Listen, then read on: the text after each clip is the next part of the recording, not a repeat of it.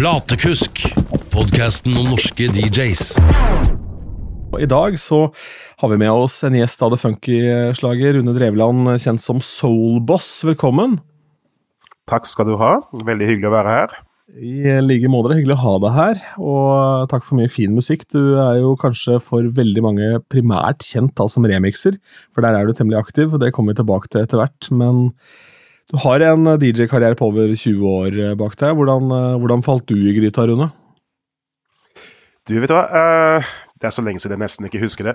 Men jeg, husker min første DJ-jobb, altså skal vi si, betalte DJ-jobb, det var i Stavanger, hvor jeg vokste opp. Jeg var 14 år gammel, og jeg hadde noen Altså, jeg pleide å gå på et sånt ungdomsdisko midt i Stavanger sentrum, og Akkurat hvordan det, det, gikk seg til, det husker jeg ikke helt 100 men jeg husker jeg løy på alderen til de som drev dette diskoet, for de drev også en homsebar i andre etasje, uh, hvor de trengte en DJ. Um, eh, og jeg løy på alderen da jeg var 18 år og jobbet som DJ, og fram til det tidspunktet hadde jeg kun spilt noen ganger på ungdomsklubben, den lokale ungdomsklubben. Men jeg hadde mye musikk, hadde mye plater, kjøpte mye singler og, og sånn.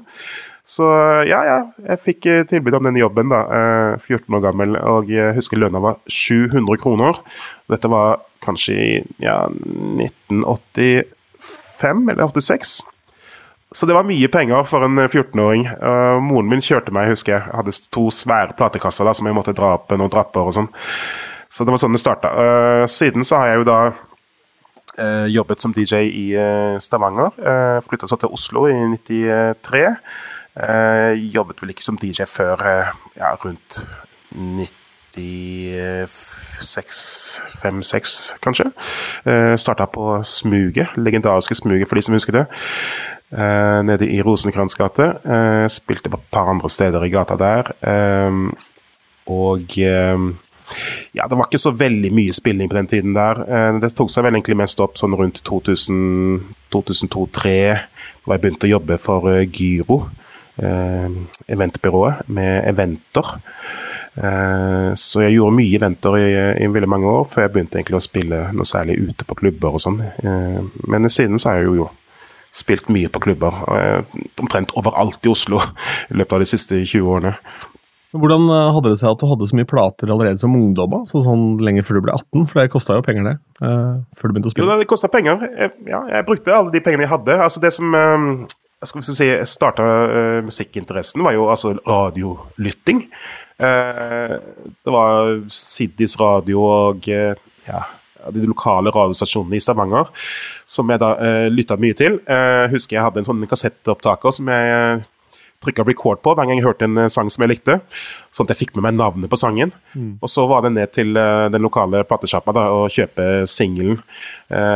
og allerede da så var det et ganske stort DJ-miljø i Stavanger, og alt gikk jo på vinyl i den tiden. Uh, og jeg husker ofte det var det var noen entusiaster som drev en platebutikk, husker jeg, som hadde da en sånn tirsdagslansering. Eh, hvor alle DJ-ene møtte opp. Og da hadde de fått plater fra Italia. da. Eh, det var den tiden når Italo-disko var stort. Eh, og da eh, sto alle i ring da, rundt én platespiller, eh, hvor han eh, eieren av butikken da, tok opp én og én plate. Og så måtte du da skrike ut den ville ha, for han hadde, hadde kanskje bare én eller to da, av hvert eksemplar.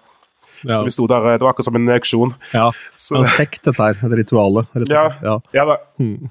Altså, det, altså, det, var dyrt. Jeg husker, jeg tror en singel kosta på den tiden 25 eh, kroner. Uh, altså, det er jo ikke dyrt nå, men altså, det var dyrt da. Uh, og en uh, Maxi uh, kosta 40 kroner, så vidt jeg kan huske. Ja. Så det var jo liksom lommepenger og altså, ukepenger og sånn som ble brukt til dette her, da. Så, ja, det er gøy. Ja. Jeg, men eh, det er, eh, må være artig å ha vært en del av den tiden hvor musikk var, eh, var mangelvare, på en måte. Altså, for nå er jo alt tilgjengelig for alle, mens da så Hvis ikke du hadde et øre da som hørte at dette her blir jo en kjempehit, så hadde du ikke den plata. Da måtte du bare vente til neste gang den kom inn, og det var kanskje et år til. Hvis dette var en white label ja. eller et eller annet. Mm. Ja, det var sånn, og det er jo egentlig absurd å tenke på at på den tiden så hadde man den musikken man, man hadde med seg.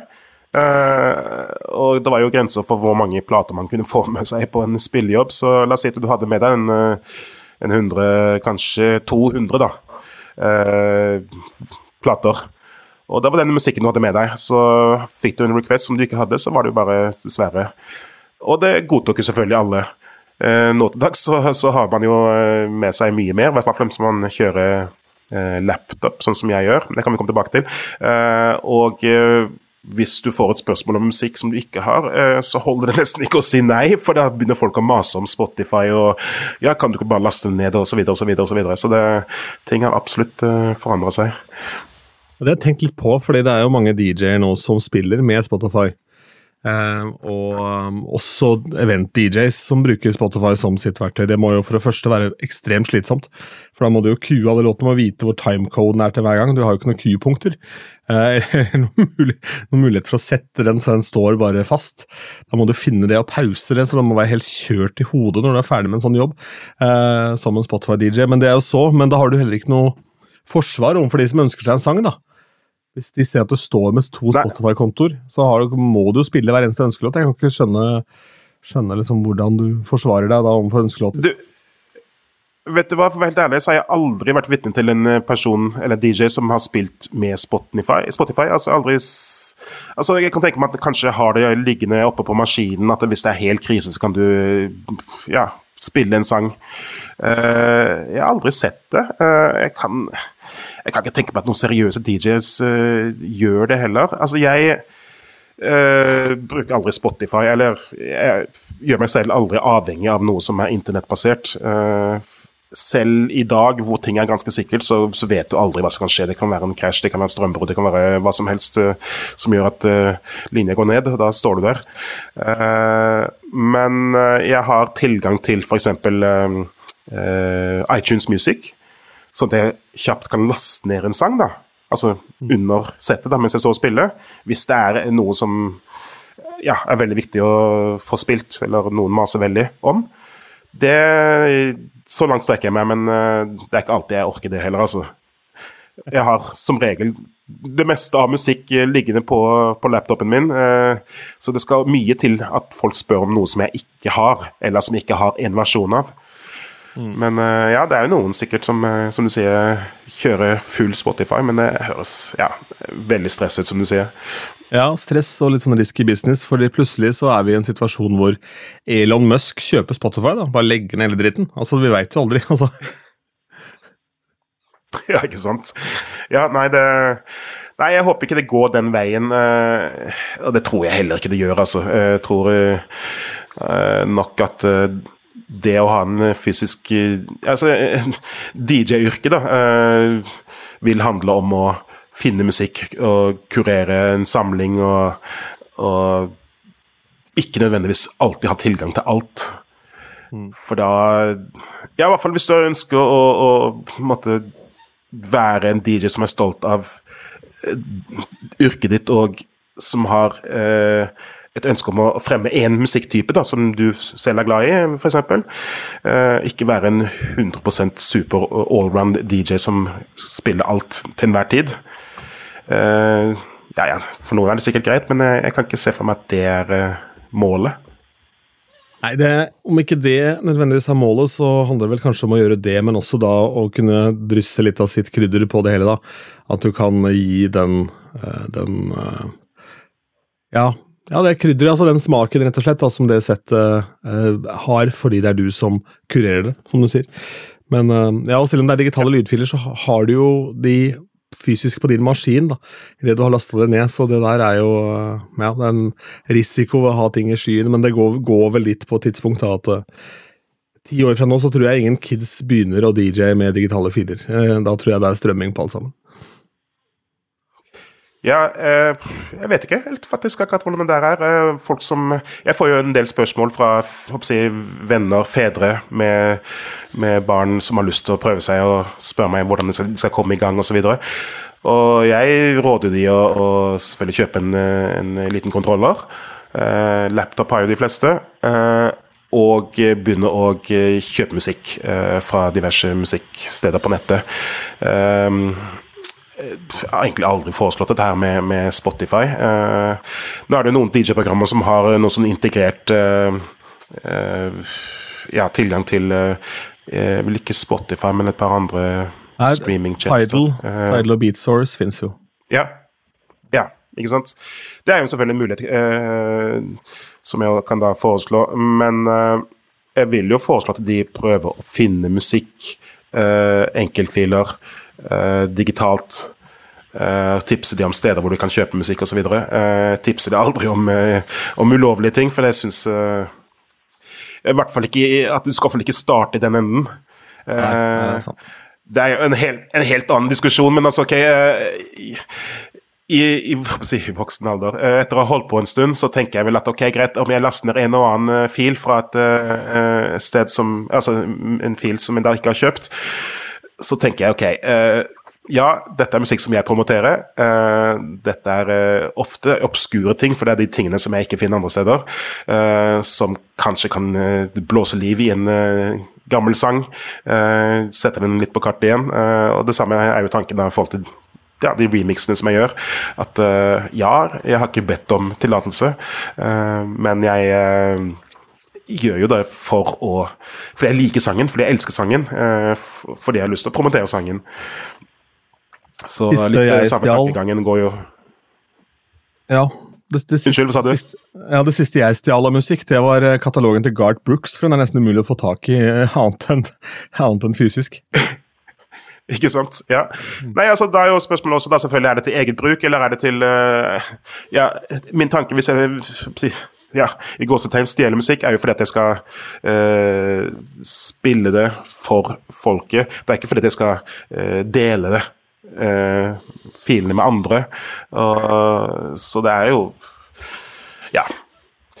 Ja, nei, eh, La oss ikke rote oss bort i den debatten der, men uh... For min del så var det sånn jeg satt og, satt og Jeg har en veldig sånn open format-tilnærming, så jeg satt og kurerte en litt sånn eh, countryliste da, med, med countryhits. Og så Ok, jeg skulle ha den med Garth, jeg skulle ha den, og så Ok, den der ser jeg populær, men han har jo ingen av musikken, ingen av låtene sine på Spotify heller. Han er jo eksklusiv på Amazon Music, som jeg da ikke har.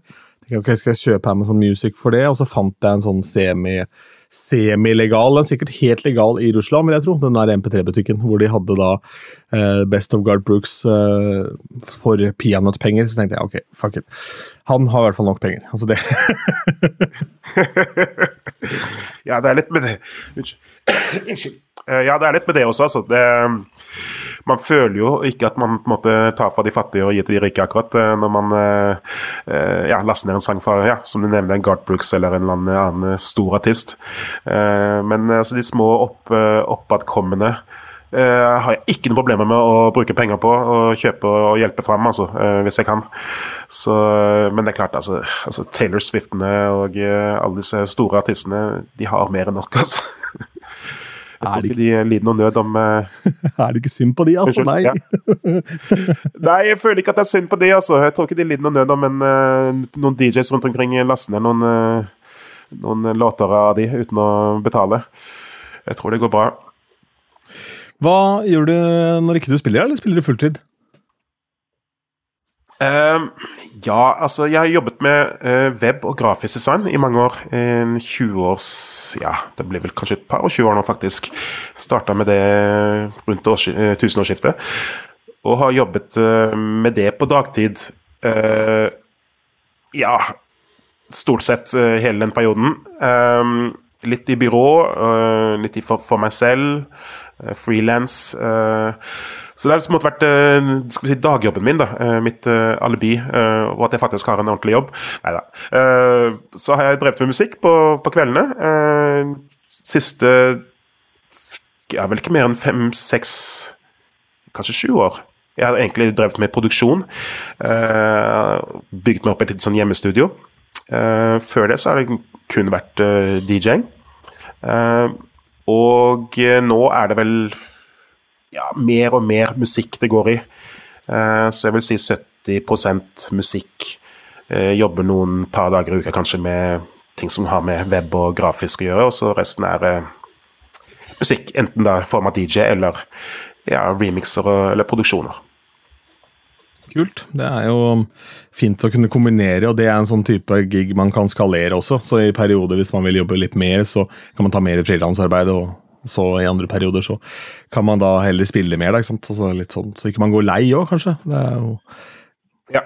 ja, det er absolutt det. Uh, jeg personlig uh, Jeg liker også da å, gjøre litt forskjellige ting. Altså, som sagt, nå gjør jeg jo uh, både klubbjobber og eventjobber, og jeg liker den si, variasjonen.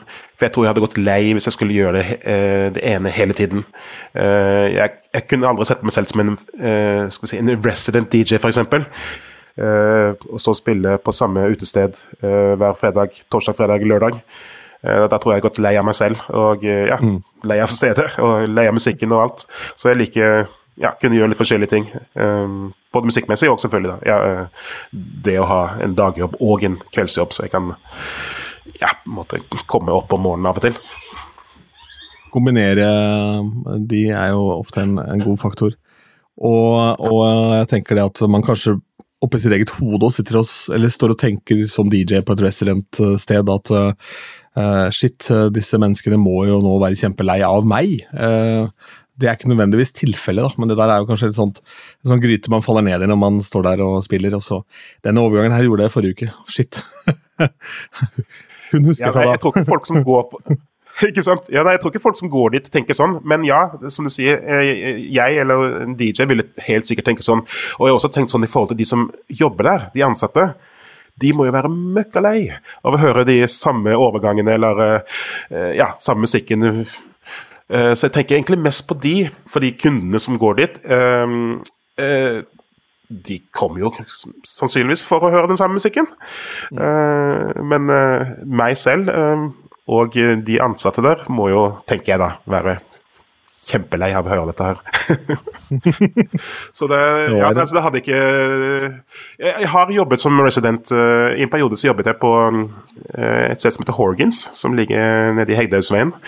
Uh, også ganske legendarisk. har vært der i 5-26 år eller noe sånt. Uh, og det var jo en sånn typisk meget uh, kommersiell uh, plass. med ja, listepop og litt ja, 80-talls og 90-talls og, og, sånne ting. men stort sett ja, listepop siste. Og jeg gjorde det i mange år til jeg fant ut at nei, dette er ikke det jeg har lyst til. Jeg har ikke lyst til å stå og spille den samme musikken for de samme folka dag ut og dag inn. Så jeg trappa ned den biten der. Og, og, nå er det vel mer sånn at jeg prøver å søke steder som gir meg lov til å spille uh, den musikken som jeg liker, da, som jeg er glad i. Som er funky, soulfull, ja, musikk med sjel, som det heter. Mm -hmm. Ja, det er jo rart å høre Soulboss spille noe helt generisk pop, ja. Som jeg er enig i det. det.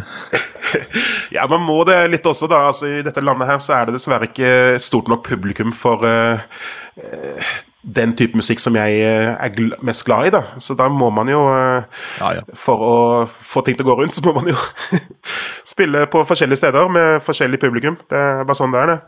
Klart det. Hvilken periode var du på Horgans. Altså årstall? Um, skal vi se, det var vel fra 2011, kan det stemme? meg 2011 til 2016. Eller var det 2012 til 2017? Rundt der, i hvert fall. Ja, ikke sant. Så da, da en uh, det er jo sånn peak hour EDM-variant, da, med Swedish House Mafia, Avicii og sånn i front her. Mm -hmm. Ja, ja. ja det var mye den, den greia der. Og det, uh, Horgans har jo alltid vært et sånt, sånn type studentsted. Eller uh, veldig mange som kommer til byen, uh, starter på universitet her, uh, hører om Horgans som, som, et av de første stedene i Oslo, og, og havner ofte der. Så det er mange som har historie derfra. da.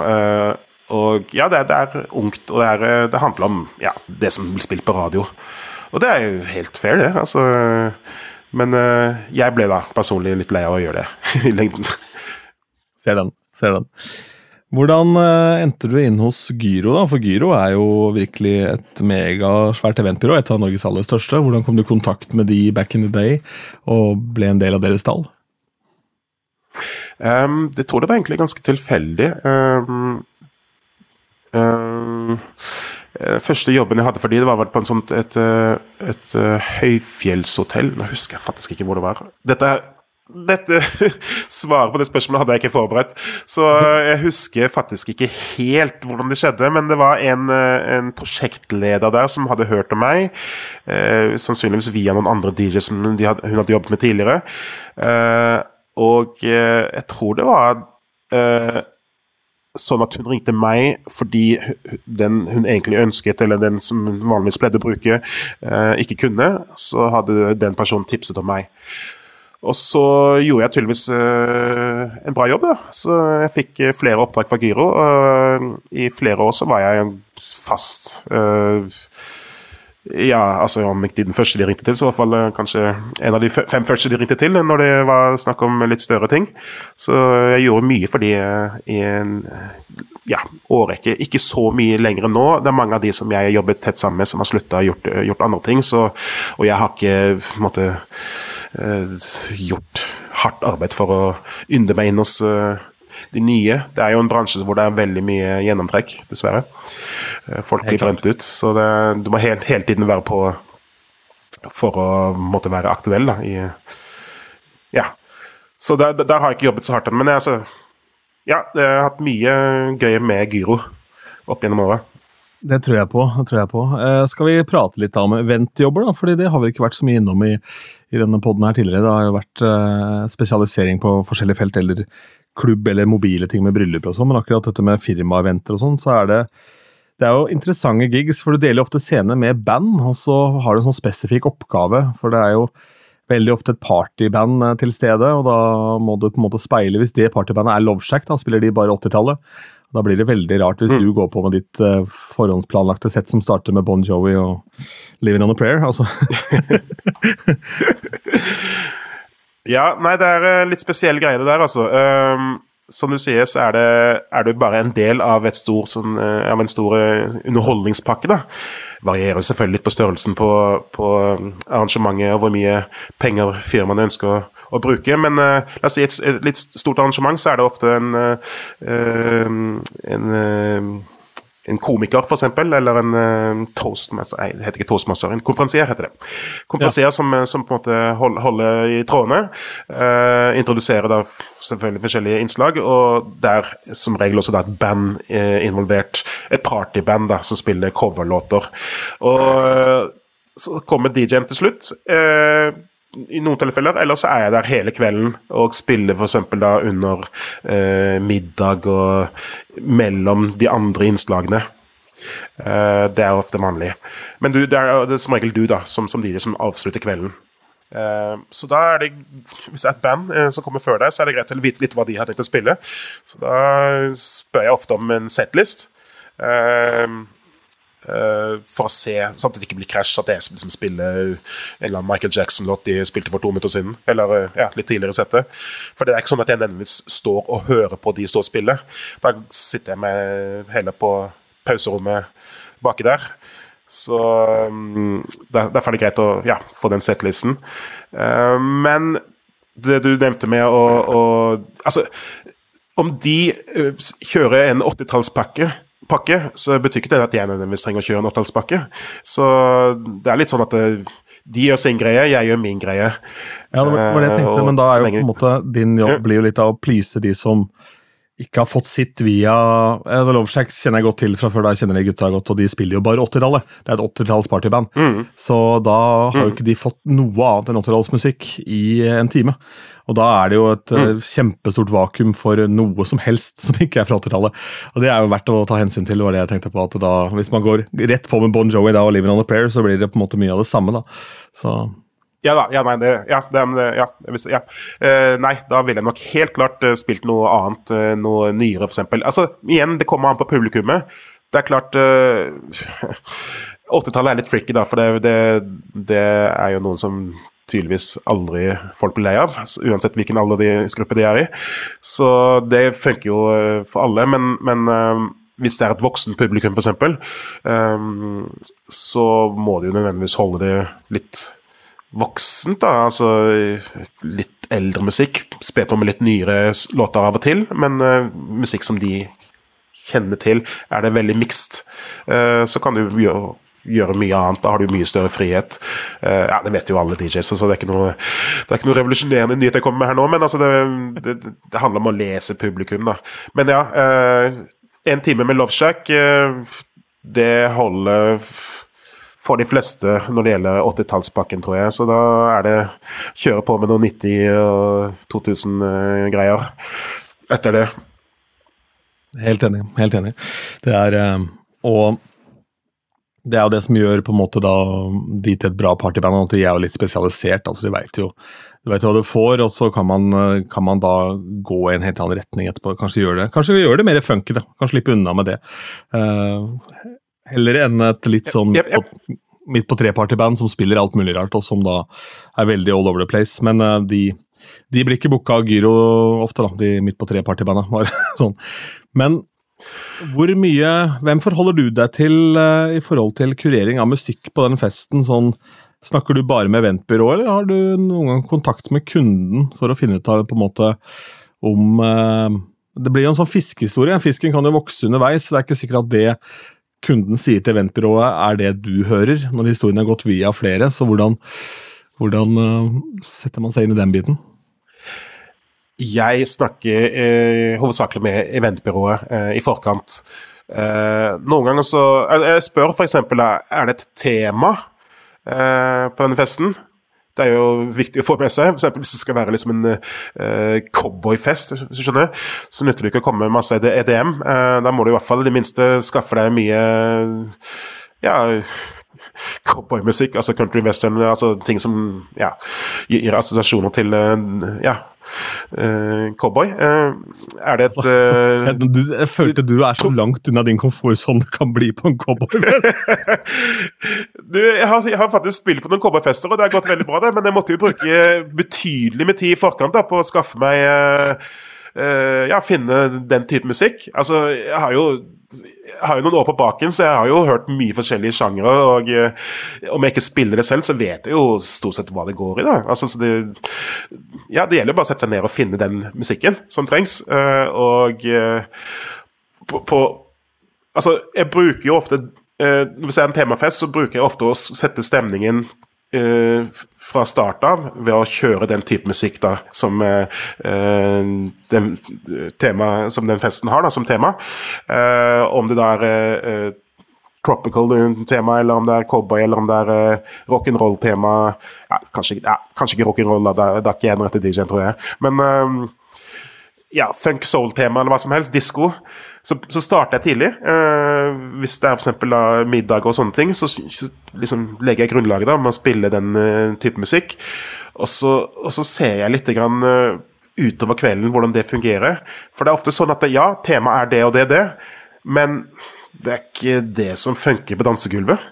Så da må du bare kjøre du må bare lese publikum. Du må bare se at ok, hei, ok, nei, dette er jo ikke cowboyfolk. Dette er ikke uh, diskofolk. Dette er ikke um, ja, så du må da bare ja, ta en pivot, rett og slett, og gå tilbake kanskje til den, den normale uh, event- slash bryllupsmappa di, som er sånn all round, alt mulig. Mm. Partypakke. Uh, ja, partypakke, rett og slett. Mm. Uh, fordi Nei, altså Jeg skal ikke klage på på norsk musikksmak sånn sett, men den er forholdsvis snever. Eh, er vel eh, Ja, jeg må vel kunne si det uten å krenke noen. Uh, ja, det er folk hører Eller folk vil ha det de hører på radio, eller folk vil høre, ha det de ja, har tilgang til. Uh, og når jeg sier tilgang til, så tenker jeg hovedsakelig radio eller uh, topp 40 spillelister på Spotify og sånne ting. Folk skjønner ikke helt at de har egentlig tilgang på så ufattelig mye mer. nei, eller så er folk late, rett og slett. De hører på det andre hører på, og eh, det er også det som gjenspeiler seg på dansegulvet. da. Eh, de hører på det de har hørt på radio. Det som er, og spør om det. Ja, og det, ja, nettopp. Og det som er å ta P4, jeg har gjort en del musikkprogrammering. Altså P4 har jo en ganske snever spilleliste, men all musikk testes jo. Det testes jo da med både sånn all music-test i, i, auditorier, og da med diverse call-outs, som det heter, hvor de prøver nye låter. da. Og noe av mhm. det viktigste av parametere som testes på, er familiaritet. Så Hvis ikke låta er kjent nok, da, i hvert fall sånn skal det inn i event-business Hvis ikke låta er kjent nok for herr og fru Norge, så er det veldig vanskelig at de helt tatt gidder å danse til den, med mindre den blir en sånn at kanskje en annen målgruppe kjenner låta, men ikke de, da blir de med. Eh, fordi da ser de at her blir det en sånn massegreie. Men utover det så, så må du ofte inn i et kjent landskap før det skal fungere, ja. Det er helt, helt klart. Men her, det er en fall... Det er ja. ja, unnskyld. Ja, sorry. Nei, nå avbrøt jeg deg. Ja, det er en fall, fallgruve her også, hvis du blir booket direkte av en kunde, og du snakker med en person som har veldig passion for musikk, så må du eh, alltid få en prat med flere i den, eh, i den festkomiteen, så du får vite hva som egentlig er dette firmaet. Så ikke den personen du snakker med, elsker funk, da og, ikke sant, og snakker om eh, B-sider med Prince og masse godsaker, og du sitter der og blir høyere og høyere ikke sant, og mørkere og mørkere, koser deg. Fy faen, dette blir tidenes gig! Og så er det det eneste mennesket i det firmaet som er der. Ja, jeg kjenner til den problemstillingen der, ja. Så jeg tar ofte en prat med I hvert fall hvis det er, eh, altså, hvis det er et event, så er det jo ofte eventselskapet jeg har kontakt med. Jeg kan eh, selvfølgelig be om å få telefonnummer til den som arrangerer, men det er ikke nødvendigvis at det hjelper. Men hvis det er et privat arrangement, la oss si bryllup da, eller en si, sommerfest, eller hva det måtte være for noe så tar jeg alltid en god prat med den som arrangerer festen. Og det er ofte sånn du sier, den personen, eller de, har kanskje en musikksmak som som er mer i tråd med din egen, f.eks., eller uh, har en annen preferanse som de da selvfølgelig mener at alle kommer til å like. Dette kommer til å funke som fjell, og bare spill masse av det. Så prøver jeg da selvfølgelig alltid å si at ja, jeg hører du si det, uh, men jeg vet også av erfaring at uh, folk er så forskjellige, og at ja og bare satse på én musikktype, eller uh, kjøre hardt ut på ja, med det ene eller det andre, ikke nødvendigvis kommer til å funke. Det, må, det blir som regel alltid en sånn uh, partypakke til slutt. Om det er 80-talls, om det er 90-talls, eller hva det er for noe. Det er det, det, er det som får fest, uh, festen i gang, på en måte. Eller får folk til å ta av. Så som regel så skjønner folk det. Eh, og sier ja, ja, ja, du vet nok best, Rune, du har jo drevet med dette her. Og ja, slår seg til ro med det. Og som regel så har jeg jo rett. Mens noen ganger så kan jeg bli kjempeoverraska. Altså. Noen ganger så er det jo rett og slett uh, folk er funky som bare søren, og Eller det si, verten har forespeilet meg, faktisk stemmer, da. Mm. At de, denne gjengen liker denne, denne type musikk ja, fullt ut. Så blir alt, noen ganger ja, sagt overraska, og det er jo bare alltid hyggelig, det. Hvordan jeg har som sagt såpass mye musikk. Altså, er det noe som du setter pris på, eller noe du syns er kjedelig å få? Eh, for meg så er det todelt. Jeg er en av de DJ-ene av de jeg har snakket med, en av de få DJ-ene jeg har snakket med som syns det er helt topp. Altså Så lenge folk spør på en uh, høflig måte, eller rett og slett spør, ikke krever, Eh, men spør, så syns jeg det er hyggelig. For det gir meg en pekepinn på uh, Ja, som jeg har sagt, sagt, tidligere, altså hva slags mood folk er i, hva slags type gjeng jeg har med å gjøre. Hva folk har lyst til å høre. Og ofte så er det sånn at de kan komme med ting som jeg ikke har altså tenkt på selv. Ja. Og det syns jeg egentlig er bare gøy. men det er klart, det er jo noen tilfeller hvor folk spør om ting som absolutt ikke passer i settingen. Og da gjelder det å være diplomatisk og forklare, da. Altså, kommer jo an på fullhetsgraden til, til gjesten som spør, men altså, ja, være diplomatisk og si at det, ja, Vet du hva, eh, se på dansegulvet her nå. Jeg tror ikke den låta der funker.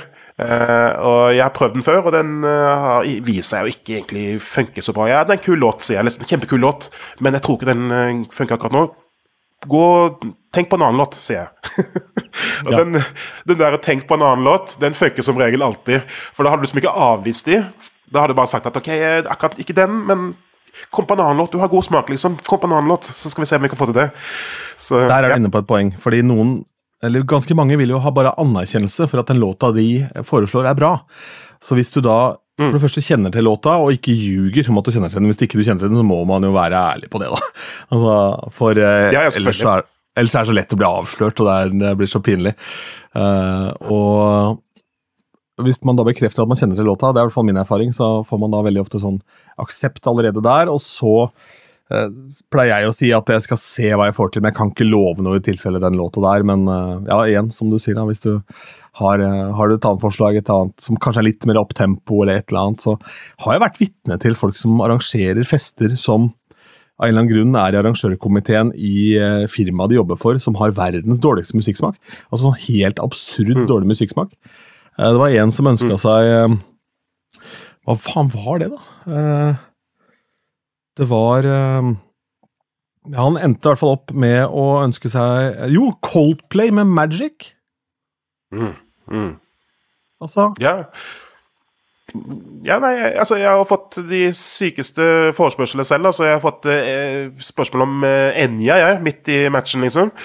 Eh, du, må jo bare prøve å holde maska, men altså eh, Det er sånn jeg sier til folk at ja, det, det er en kul låt, men ok, det du liker å høre på i, når du ligger i boblebadet ditt, er ikke det som funker på, på dansegulvet.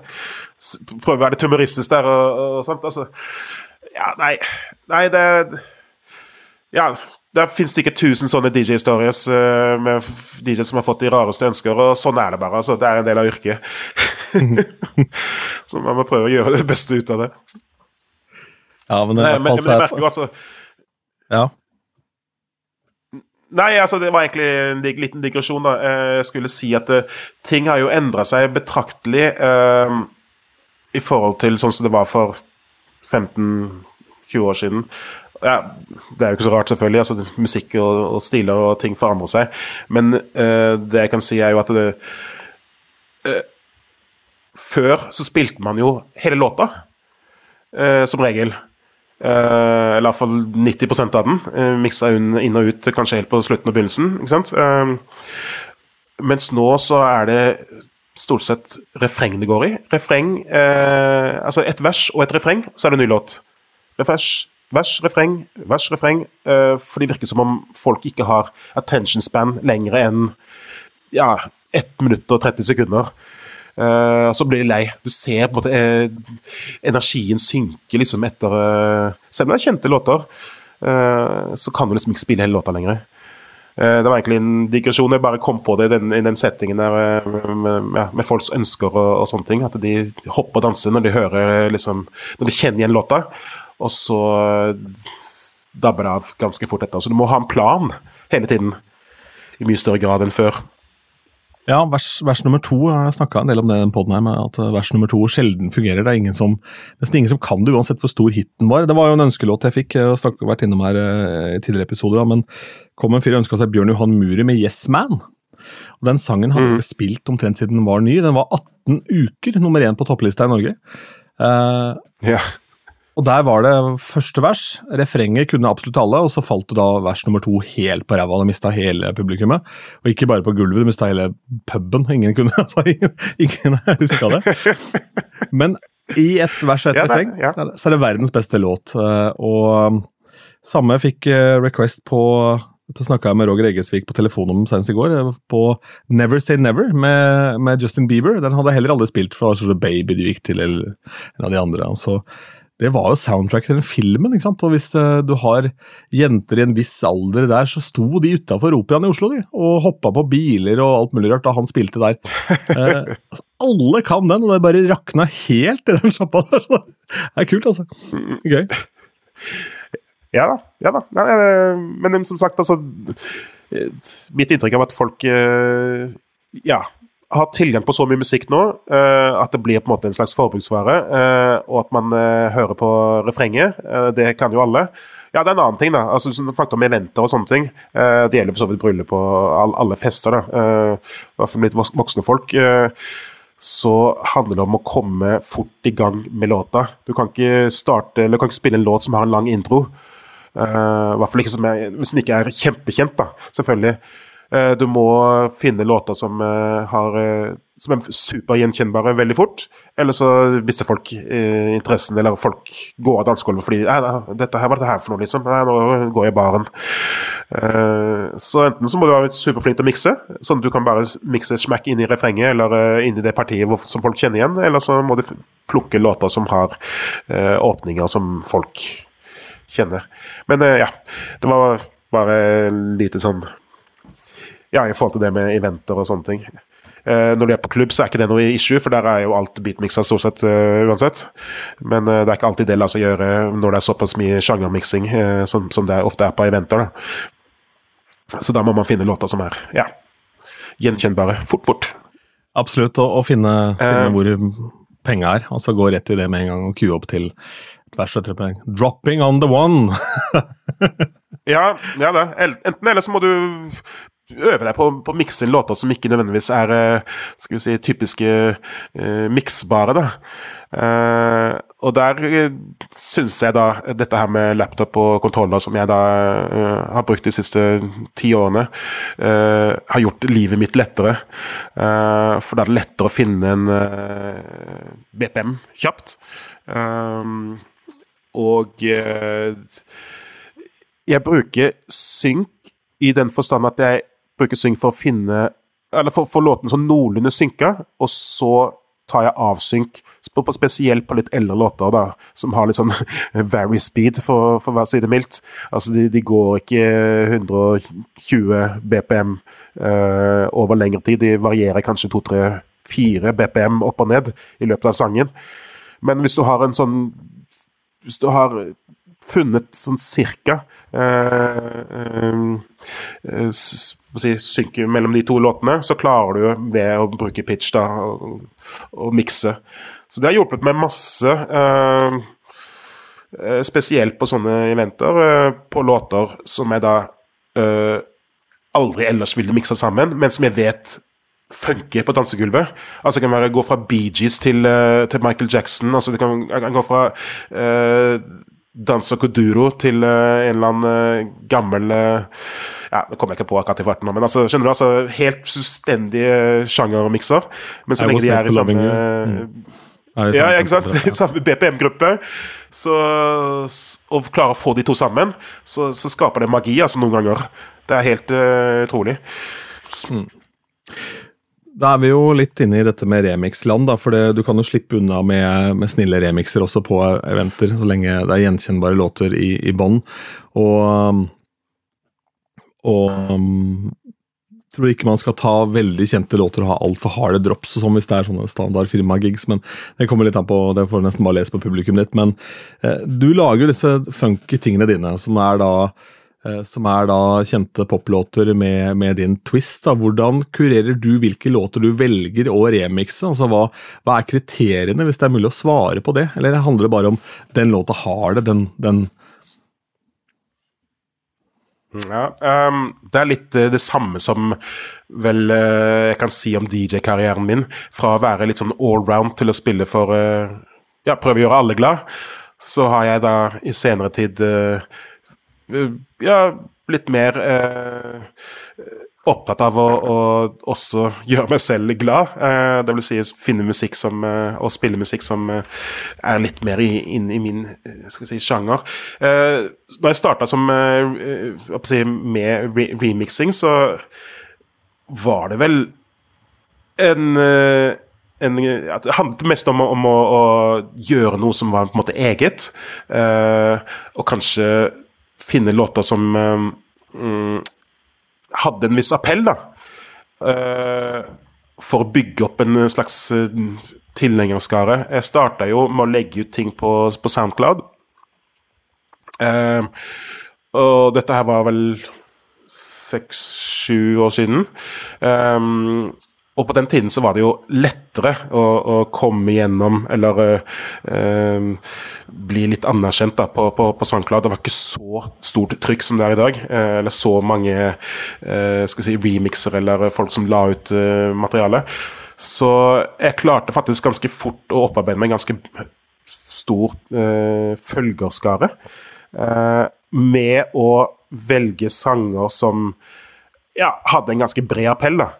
Uh, og ikke nødvendigvis endre de altfor mye, uh, men uh, Ja, gjør det litt i min stil, ja, selvfølgelig. men annerledes, da. I, etter hvert så, som jeg da har klart å opparbeide med en viss tilhengerskare, som nevnt, så har jeg vel valgt sanger som nødvendigvis ikke er så kjente.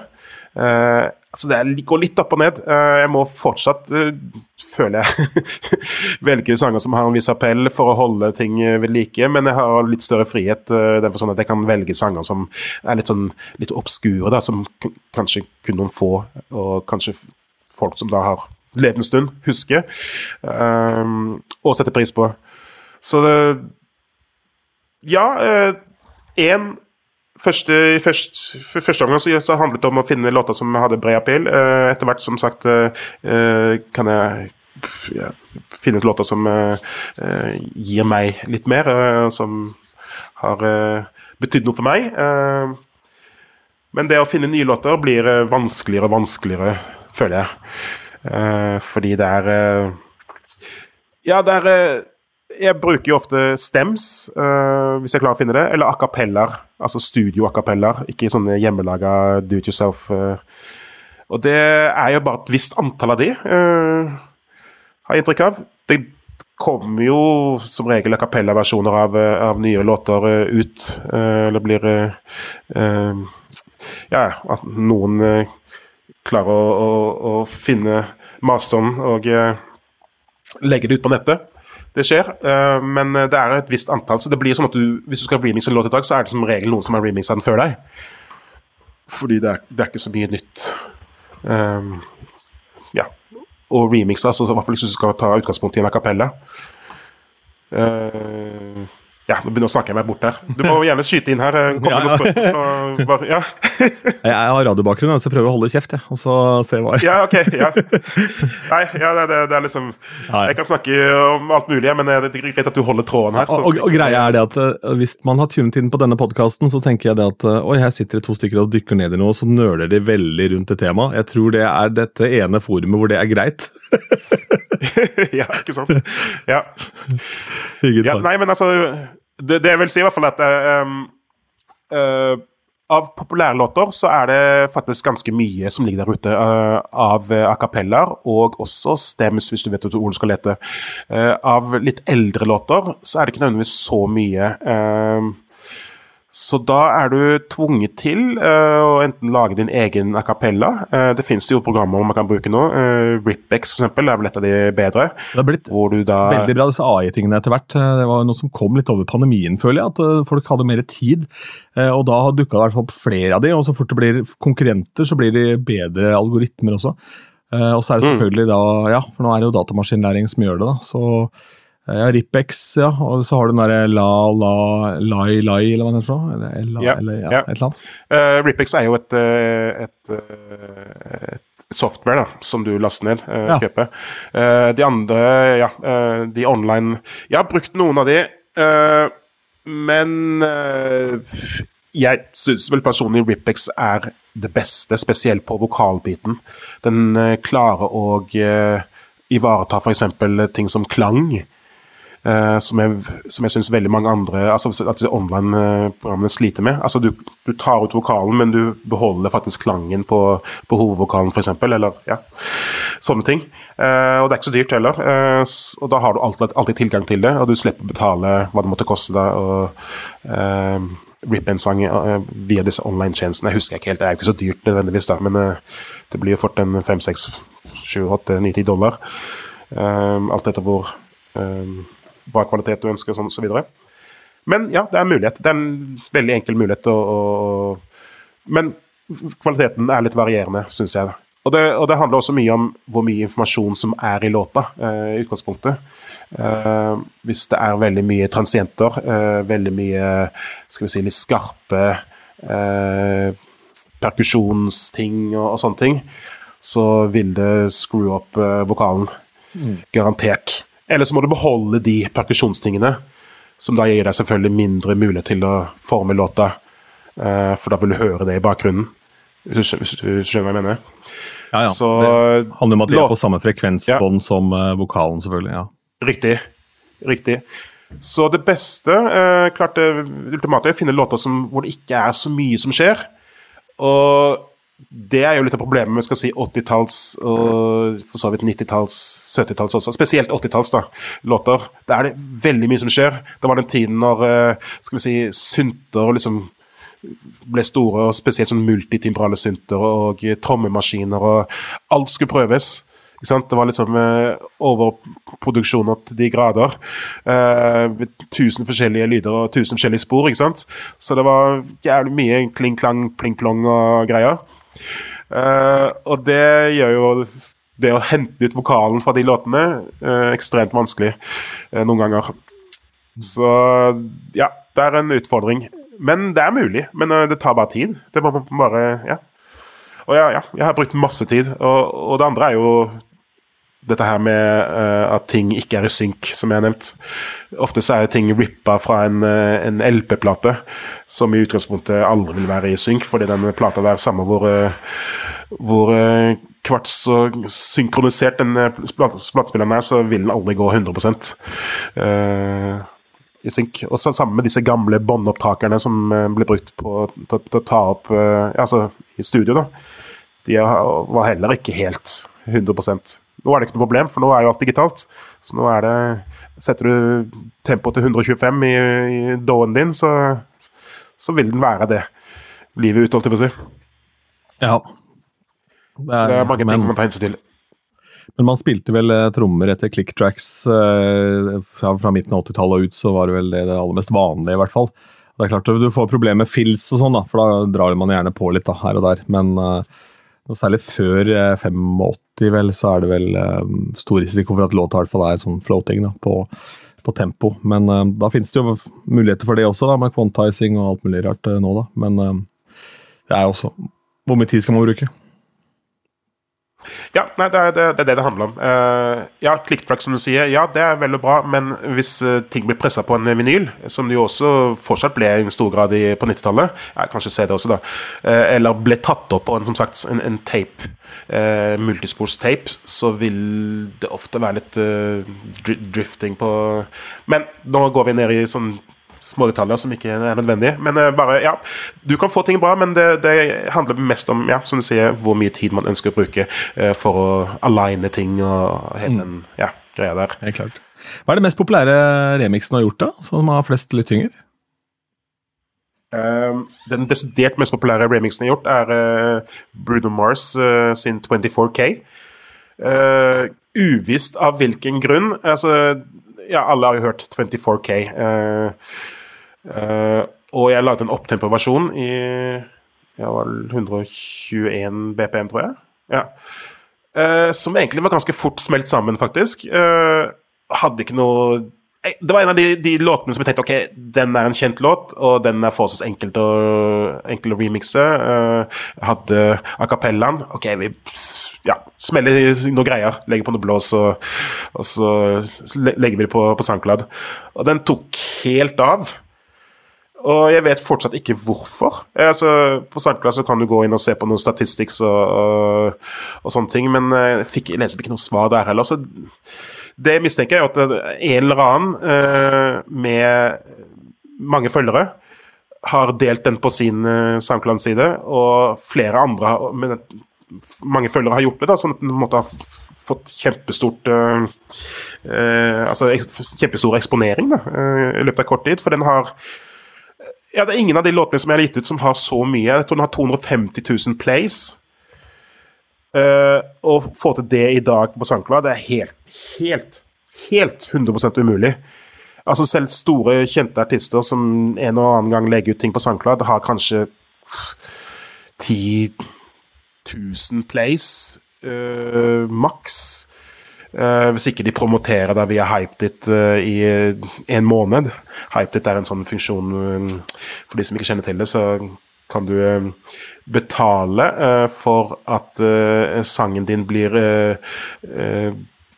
fremhevet da, på HypeDit sine sider. HypeDit er en sånn streamingtjeneste hvor hvem som helst kan legge ut nesten hva som helst. Uh, jeg er blitt litt strengere siste, men uh, ja. Uh, og uh, du har da sånne hitlister da, forskjellige, med forskjellige, hitlister forskjellige sjangre. Og, og, det som ikke kjennetegner Hyped, er at alle sangene som du finner der, kan lastes ned via dem. og du kan da velge da som produsent om for at de skal laste denne ned. Eh, hva må da den potensielle eh, altså kunden da, eh, gjøre? Og du kan da velge at den skal følge deg på Facebook, følge deg på Insta, følge deg på YouTube, følge deg på SoundCloud, følge deg andre steder, for å kunne da En såkalt download gate, heter det. Ja. Eh, ja. uh, så Ja. Den sangen ble i hvert fall kjempepopulær. Ja, Hypedit er jo da en måte å bruke remixer og, og downloads til å på en måte øke din presence da i sosiale medier. Og gjøre deg til uh, en fyr flere veit om. Men det jeg syns er så gøy med at det er en sånn type låt, da, med megakommers og utgangspunktet så funky. Det er sånn, Den er helt up for grabs for eh, Soulboss. der, liksom. Det var sånn, det var ikke, det var ikke flippa en låt som ikke var funky i utgangspunktet. Du har tatt Bruno Mars. Hallo! Ja, nei, jeg, jeg, jeg vet egentlig ikke Altså, jeg, jeg gjorde den opptempo, da. Som sagt, den eh, ligger vel på 107 BPM, den i, i um, Originalt, ja. 108. Eh, ja, originalt. Og jeg, jeg eh, bumpa den opp til 100 Ja, jeg tror det er 121, eller var det 122? Eh, og eh, ja Jeg tenker ikke at dette er liksom et mesterverk. Dette er liksom eh, min eh, Mona Lisa, liksom. Jeg har aldri tenkt det. Men eh, folk har tydeligvis ja, selv den dag i dag så blir den eh, spilt Altså ikke spilt, altså, ja, avspilt mye da på, på SoundCloud. Jeg ser jo det, jeg følger med. Eh, og det, folk kommenterer fortsatt da i kommentarfeltet, og det er også noe som nesten aldri skjer. Folk gidder ikke kommentere, eh, så sant de ikke må for å kunne laste ned låta. Eh, som et av de valgene du kan gjøre i HypeDit. Um, så ja. Nei, det, du vet aldri. og det, det, gjelder jo musikk generelt. altså Noen sanger blir hit, eh, og ingen forstår hvorfor. Mens andre sanger som måtte ha masse, masse potensial og er generelt meget bra låter, eh, aldri slår igjennom. Så det Ja. Jeg hørte Matt. Wilder med 'Break My Stride', fylte 70 tidligere denne uka her. Uh, og han fortalte om den Ja, ja, ja. Låta, låta, for den er 40 år i år. Den kom vel da i eh, 83. nå da. Og den gikk jo sånn viralt på TikTok og sånn, men han fortalte da at han skrev den låta, så hadde han en kontrakt med et label, da, at han skulle skrive så og så mange låter. Eh, og den kontrakten var så ræva at han satt igjen med så lite penger i forhold til det quota han måtte levere. Så han endte på et tidspunkt opp med å skrive bare Beatles-sanger baklengs, og bare levere inn det, da, bare sånn for å levere. ja. Og så, og, og så fortalte han da at det var eh, da sånn Struck of Genius en halvtime tok til å skrive Break My Stride, og det ble en global monsterhit, liksom.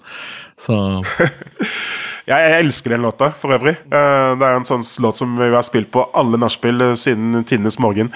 Den kan ikke la være å synge til den låta, så det er, ja, det er en kul låt. Men superenkelt. Superenkel. Altså, den Ja.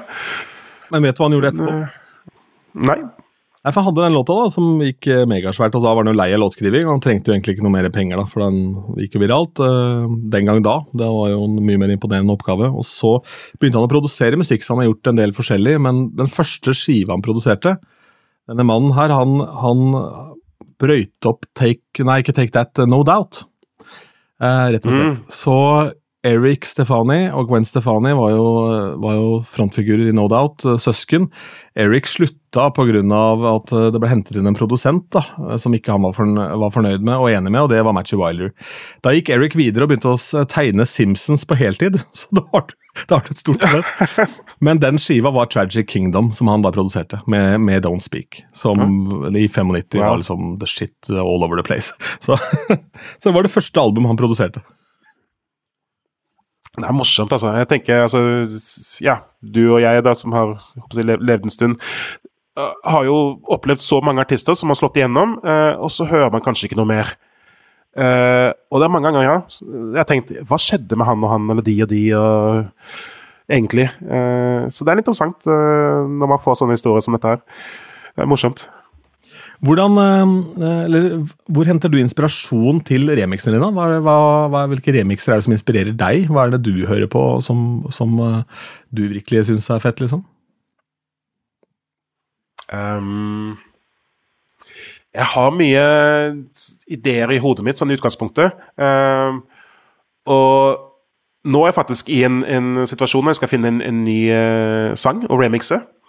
Eh, og jeg tar utgangspunkt i, de skal vi si, a cappellaene og de eh, uh, stemsene som jeg har liggende, for å se om det er noe der som jeg kan bruke. Uh, andre ganger så hører jeg en, en låt som bare åh, den er så kul. Og den, ja, den har jeg ikke hørt på lenge. Og tenker ok, kan jeg gjøre den? Kan jeg klare å finne a cappellaen til den? Kan jeg klare å uh, ja, remixe den låta? Uh, og så er det en sånn prosess som jeg har, da, hvor jeg egentlig i stille stunder uh, i senga når jeg skal legge meg, eller hva det er for noe, uh, sitte og tenke gjennom en, en, låt og tenke hva slags beat eller groove som kunne funke til den.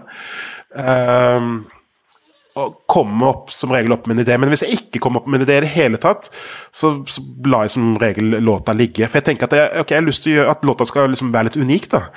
Uh, ja, at uh, Jeg skal ikke bare lage en remix for å lage en remix. Jeg vil gjøre Jeg vil flippe den, som, som nevnte var inne på tidligere. Så jeg vil gjøre låta annerledes. Uh, interessant. så det er en prosess, og så er jeg jo også selvfølgelig inspirert av andre remixere der ute. Eh, det er vel eh, Ja. ja orker ikke å komme med en lang rense med navnet, for jeg hadde ikke forberedt det. Men eh, det, er, det fins en del kule remixer der, der ute. Altså. Og det er en av de tingene som jeg syns folk bør være flinke til liksom, å, å gå litt i dybden. altså Sette seg bruke noen timer på Soundcloud eller uh, Bandcamp eller hva som helst, uh, og bare gå gjennom en hel haug med greier. Jeg vet en del DJs gjør det, men altså vanlige folk også. Uh, for det er så mye kule og så mye smarte og så mye innovative folk der ute altså, som gjør ting som bare er helt ja, vanvittig. Så um, ja, hente litt inspirasjon fra de, og min egen musikkarriere og ja, låter som jeg hører og tenker at ja, den biten kunne kanskje funka på den låta og sånne ting. ja. Lager du um, egne låter også, eller går det stort sett i remixer? Ja, uh, jeg lager Jeg begynner på egne låter. Jeg er en av de som uh, har masse prosjekter. Uh, påstarta prosjekter, eller påbegynte prosjekter som jeg ikke kom i mål med, fordi at Ja, der er jeg jo selvfølgelig mye mer kritisk til hva jeg legger ut. Uh, ja, jeg tror ikke jeg er alene der. Uh, jeg kjenner mange andre også som uh, starter på ting og har masse prosjekter liggende på maskinen sin som de driver og prøver å finpusse og finpusse og finpusse, finpusse i det uendelige. jeg har gitt ut et par, men jeg har kanskje fire-fem låter nå som jeg har lyst til å virkelig gi ut. Jeg må bare sparke meg selv i rumpa rett og slett og få, få det gjort. det er mye enklere å, å, å slenge ut en remix. Eh, og jeg, men jeg, altså, jeg, er jo mer kritisk nå til, til remix-tingene enn, enn, jeg var før. Jeg, mange av de tidligere tingene som jeg ga ut som remixer, er det sånn åh, herregud. Uff, nei, nei, nei, nei, hva var det jeg tenkte på? men uh, filosofien, filosofien, min har alltid vært sånn, ok, greit. Uh, da ser i hvert fall folk progresjonen min, da. Ok, altså Hvis de går tilbake og hører på de tidlige tingene jeg gjorde, så tenkte jeg ok, ja, dette her var kanskje ikke så bra, Drevland, men uh, Og så hører de ting som jeg har gjort de siste to-tre årene, at ja, han har jo faktisk utvikla seg og blitt bedre. At det er en måte å gjøre det på. Uh, Uh, hvert fall når det gjelder remixer. Jeg har ikke hatt den samme filosofien når det gjelder mine egne produksjoner. Det har jeg ikke, så Derfor så blir de liggende på maskinen inntil videre. Men uh, ja, jeg har et mål om å i hvert fall få gitt ut to låter, egne låter, i år. Du hørte det først her, videre. holdt jeg på å si. ja. ja, jeg må komme meg videre. Jeg må kunne liksom se tilbake på Ja, hvis jeg skulle croake, liksom uh, Ja, i løpet av kort tid her nå, så ville jeg i hvert fall kunne sagt at ja, jeg har i hvert fall gitt ut noe. Ja. Om det ikke ble en suksess, så har jeg i hvert fall gjort det. Det er ikke noe vits i å gå i grava med på en måte masse i hvelvet. Sånn, eh, det er jo egentlig bare å få put art into this world, er det ikke det du sier? Så Ja, så, altså, lenge du ikke er Michael Jackson, så er det som er i hvelvet, ikke så veldig Eller Prince. interessant. Okay. Eller Prince, selvfølgelig. ja. ja, så det Ja da, det skal bli gjort. Det skal komme ut, og jeg lover to låter i løpet av 2023. Det er sagt. Nå er det åpent. Det er bra. Jeg ringer deg på nyttårsaften, ser hvordan det blir. Ja. Du får gjøre det. Absolutt. De, de siste åra, sånn, uh, hvilke låter er det av kommersielle ting uh, som på en måte har trykka på knappene dine? Hva er det som er nå, Har det noe for seg i dine ører, eller er det Hva tenker du om soundet? Du, det er masse bra kommersielt. Det er masse bra låter der ute. Um, jeg føler jo at um, um, det, er så, det, er så, det, er kjipt når folk spør meg om sånne Kan det komme noen eksempler? Kan det komme noen låter? Så kommer jeg liksom aldri på noe. Men jeg eh, kan i hvert fall si så mye at eh, sånn som jeg ser det, så handler det jo nå da eh, mye om unike stemmer. Eh, unike f.eks. vokalarrangement. eh. Eller skal vi si lyder. Unike lyder i en låt. Eh, fordi Ja, ja, musikere vil jo sannsynligvis ikke være enig, men altså Alt er blitt gjort, føler jeg på en måte, til en viss grad. Eh, alle skal vi si, harmonier og alle skal vi si eh, eh, Ja, kordskift og, og, ting og tang har blitt gjort. Så da handler det om å finne nye måter å synge på, da, eller finne mennesker med unike stemmer som kan gjøre en forholdsvis simpel, enkel låt unik. Uh, og det ser jeg eksempler på, eller hører eksempler på uh, ofte. Uh, når det gjelder beats og grooves og sånne ting, så er det vel ikke så mye nytt. Som, altså stilarter og sånne ting. Jeg føler ikke at det, at det har skjedd så mye der. Siden ja, kanskje drum and bass. jeg føler at det har ikke vært så mye sånn nyskaping på beat-siden. Ja, du har jo altså sånn som reggaeton, men det har jo på en måte alltid vært der. Bare det har vel liksom ikke vært så kjent uh, i Europa, USA, altså Mellom-Amerika, Latin-Amerika, Sør-Amerika, så har det vært en greie i alle år. Um, ellers så er det vel ikke så mye Ja, ja, du har jo afrobeat, ja. Afrobeats, uh, som jo også er nytt. Uh, forholdsvis nytt for uh, skal vi si, den vestlige verden. Um, der også er det en del kule ting. Altså låter som, som kan komme i ny drakt. Fordi at det er en annen beat. men ja, helt altså Sånne unike eksempler kommer jeg ikke på akkurat i farten her nå. Gi, gi, meg ti minutter, så kan jeg sette, sette meg ned og skrive opp ting. Men ja da, jeg, jeg blir stadig vekk overraska over å høre nye ting som, og nye uh, vrier på ting som Å ja, søren, at jeg ikke kom på det selv, og det var kjempekult. og ja, Spesielt eh, vokalarrangement, da. Jeg er gammel vokalist i Frank Solband, så jeg hører mye på vokal. Uh, så det er ofte det som griper meg, da, hvis jeg hører en låt som jeg liker. Ikke sant. Og det er jo, det er jo ekstremt viktig. altså du må jo, Hvis ikke groovet sitter, og, og dernest vokalen, så er jo egentlig låta litt sånn død, i hvert fall dansemessig. Da Så er jo, da blir det jo en sånn mm. hoppe og, og, skrike med til et eller annet, og et eller annet uh, hook som må fungere. da, Men det, sånn, som, som DJ så må det svinge, på en måte. Mm. Ja, ja, det må svinge. Uh, men jeg tenker ikke nødvendigvis alltid på låter som funker på dansegulvet. Jeg tenker på låter som ja, generelt, ja. generelt sett Ja, som jeg liker. Eh, eller eh, finne at 'Å, dette her var kult. Dette har jeg jo ikke hørt før.' Eller 'Dette var litt ja, nytt og spennende'. Det skjer. Eh, og jeg bruker mye tid på de forskjellige streamingtjenestene og bare dykke dypt ned i ting, altså. altså jeg er sånn som kan sitte to-tre timer og bare høre på Ja, denne låta er likt av de og de, og de liker også disse låtene. Skjønner du? Altså gå liksom dypere og dypere og dypere ned i ting, og, og finne Kanskje etter en time finne en låt som bare er helt sjuk. Uh, men det er fordi at jeg er veldig opptatt av musikk, da, at jeg har tid til det. Jeg, kanskje, folk flest har kanskje ikke tid til det. At det blir at de, de, det de hører på, er uh, topp 40-lister uh, i forskjellige sjangere. at det Ja. Ja, det er jo der hvor man, man, der hvor DJ-en kommer inn, da, man skal gjerne kurere litt da, og på en måte da kanskje gi noens uh, smak en sånt uh, litt ekstra piff av uh, noe krydder. da. Det er jo det som er litt mm. planen her, da. og det er jo litt vår oppgave også. Jeg tror det at det er jo helt åpenbart at du har en vanvittig kjærlighet til musikk i bånn. Jeg tror det er en stor fordel for å være en god DJ i flere sjangre. Ja. ja, ja, absolutt. Du må være glad i musikk.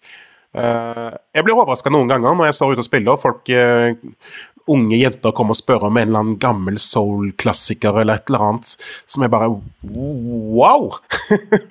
så jeg omtrent spiller den selv om det kanskje ikke passer inn, bare fordi jeg blir så overraska og så, så, glad. på en måte, At det finnes faktisk uh, ja, i hvert fall en yngre garde da, som er såpass musikkinteressert at de, at de ja, graver litt ned i ja, eldre ting og har litt større spekter, da.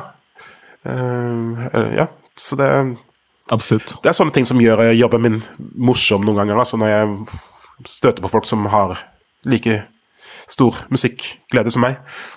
Jeg har jo senest bare for noen uker siden opplevd at det var en jente på 25-årslag dette, eh, på et utested.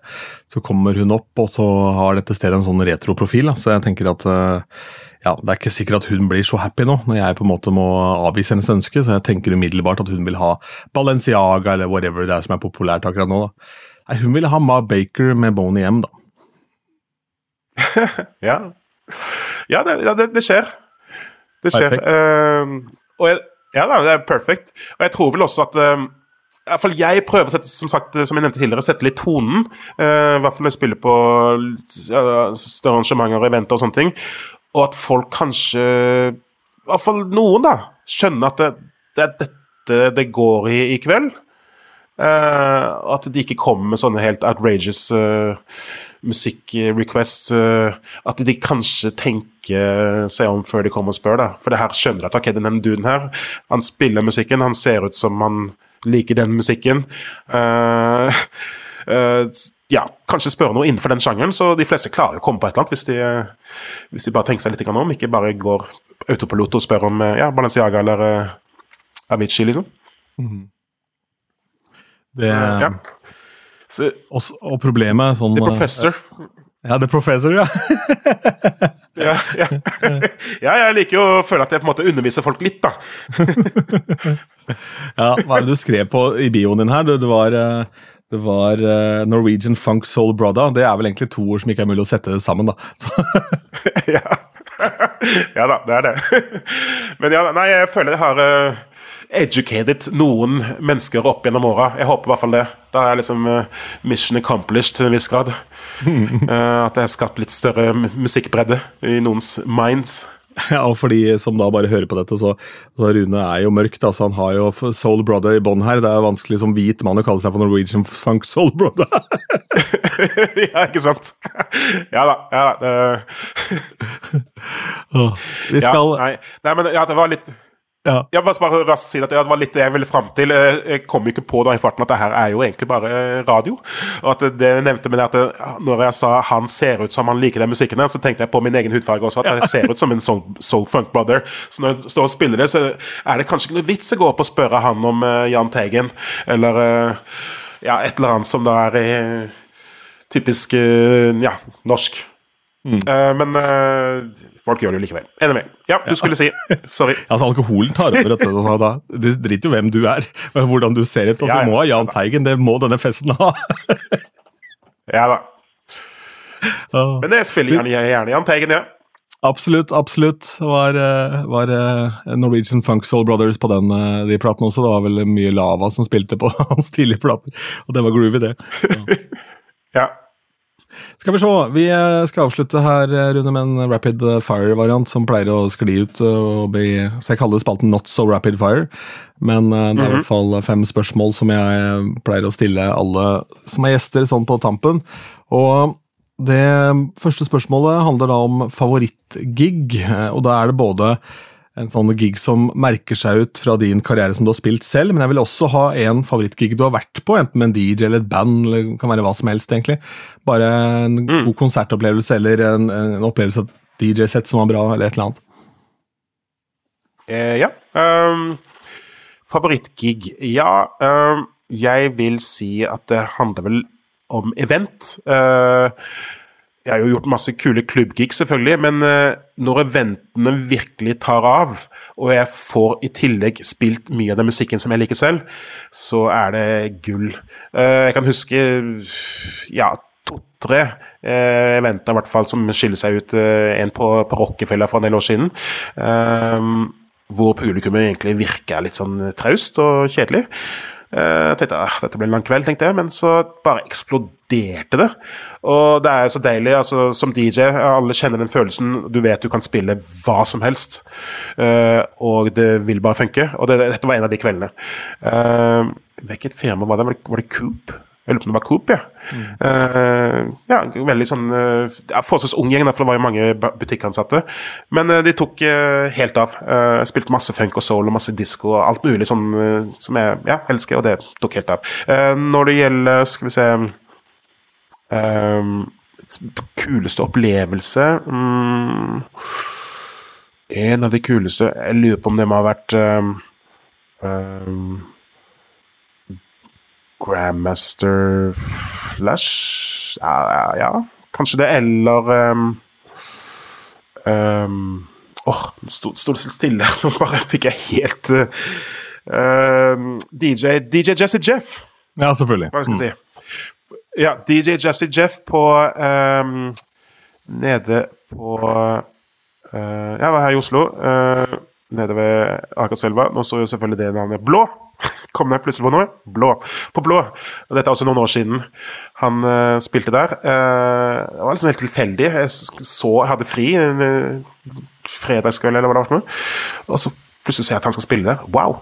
Kommer ned dit, og ja, det var, det var helt rått. Altså fordi han, skill, han har masse skills, og, og bare se han stå og gjøre ting live, selv om han selvfølgelig har gjort det 10 000 ganger, da kan det i søvne, men allikevel, det var kult å se på. Det var en av de eh, Ja. Mange Han spilte jo masse slager, da. Masse gamle hiphop- og R&B-slagere, så det var, en kul kveld. Han er jo en sånn type som alltid utvikler seg. Han har disse, disse music retreat-oppleggene eh, også hjemme på, på eiendommen sin. hvor Han inviterer da utvalgte DJs som da bidrar ja, rett og slett å ha workshops, da, pratmusikk. da. Og um, han, ja, han er gudfaren for veldig mange. da. Det har jo vært en, en fyr som som jeg i hvert fall i lang tid tenkte bare at var en dude som lagde noe musikk med, med Will Smith back in the day, men som som har veldig mye mer i bånn der. Og har vært ekstremt viktig for, uh, for uh, den læringskurven som, som mange unge DJs har. Og det handler vel mye om å scratche med, hva skal vi si musikalsk scratching òg. Altså musikaliteten ligger i bånn. Groovet ligger hele tiden i bånn.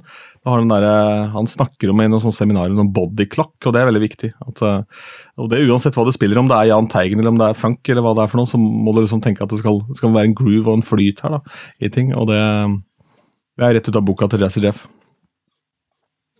Ja, han er utrolig dyktig. og fikk- Som sagt, jeg fikk det eh, first hand uh, når jeg sto der. Jeg ser, uh, og bare tanke på hvor mye, mange timer Ekstremt mange timer han har lagt uh, bak seg for å ja, perfeksjonere stilen sin. Altså, det, er, det er mye jobb som ligger bak der. og det synes sånn, sånn det blir alltid imponert av. Folk som ja, legger sjela si i det. Absolutt. Absolutt. Um, ja, det var vi vel sånn delvis inne på nå. Vi snakka litt om det her med de tingene du hadde, hadde sett. Men uh, favoritt-DJ, har du noe favoritt-DJ som uh, på en måte har betydd mye for deg opp igjennom? Mm. Eh, i, i, altså ikke som, ikke som DJ, men mer som produsent, da, tenker jeg. Eh, jeg starta jo like housemusikk egentlig ganske sent. Eh, Nå syns jeg house er kjempekult, spesielt deep house og litt sånn ja, kanskje tech, tech eh, også, for så vidt. eh, Som har litt rytmeelementer i seg. Um, og da husker jeg West Coast eh, DJ som, altså, som Miguel Miggs, for eksempel.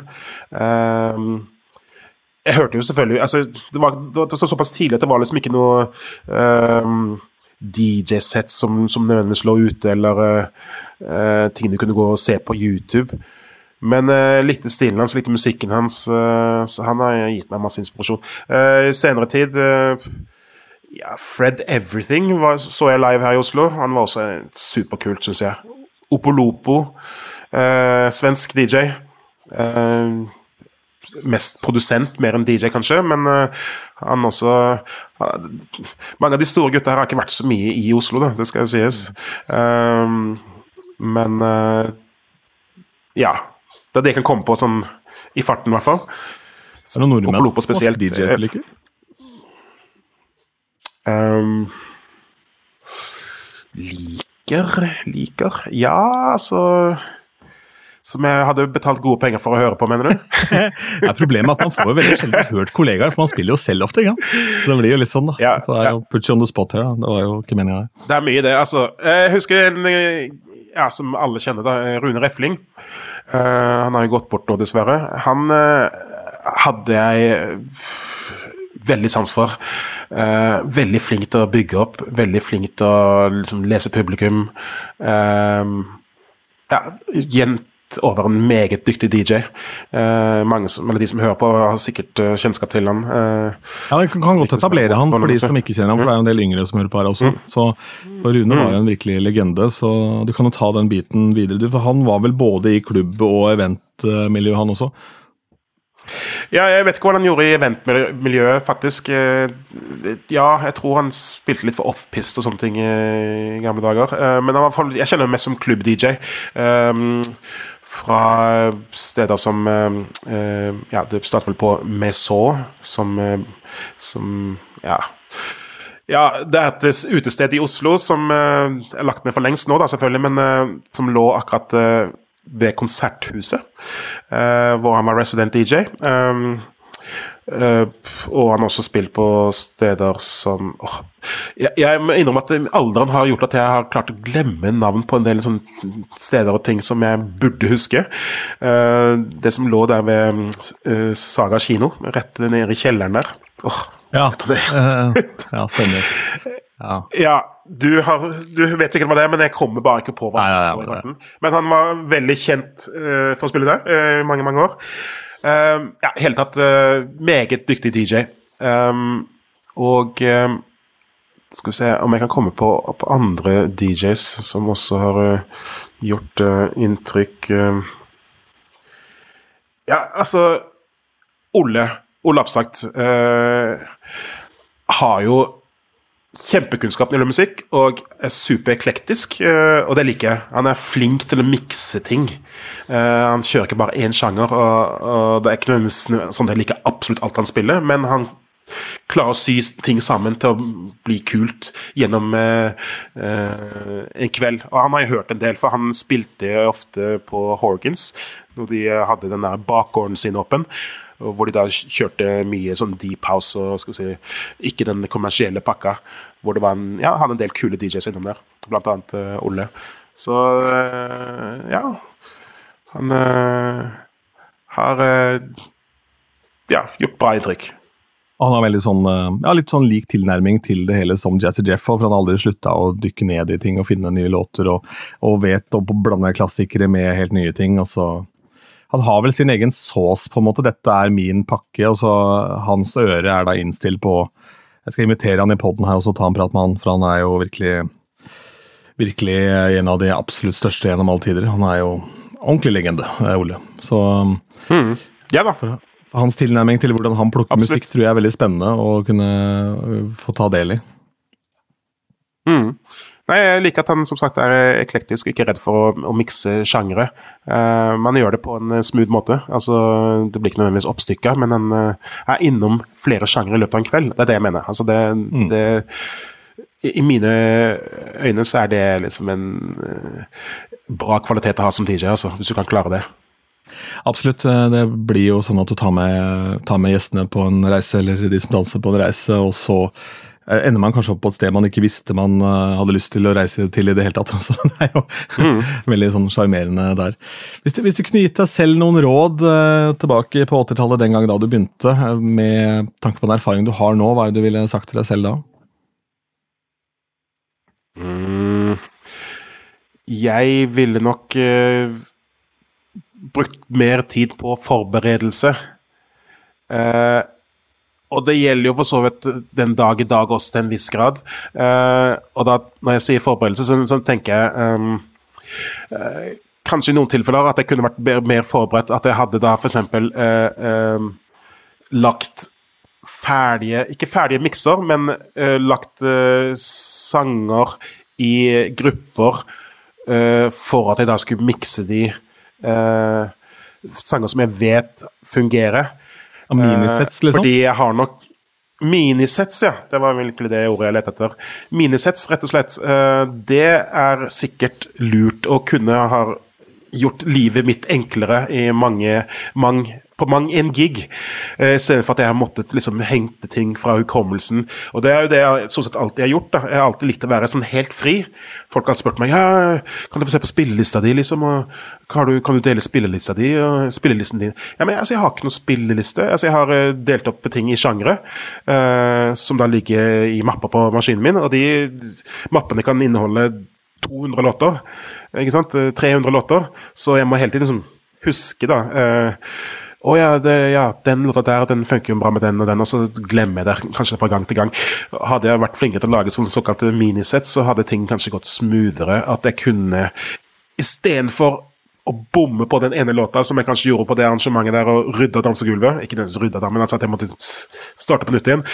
Hvis jeg hadde da vært flinkere til å liksom lage disse tingene litt mer på forhånd, så kunne jeg da hatt enda mer flyt. Jeg skal ikke klage, jeg har klart meg bra, men det har vært ganger hvor jeg åh, Kommer ikke på hvem som spiller, kommer ikke på den låta, og så må jeg bare hive inn et eller annet som da ikke funker 100 uh, når jeg allerede har ting gående.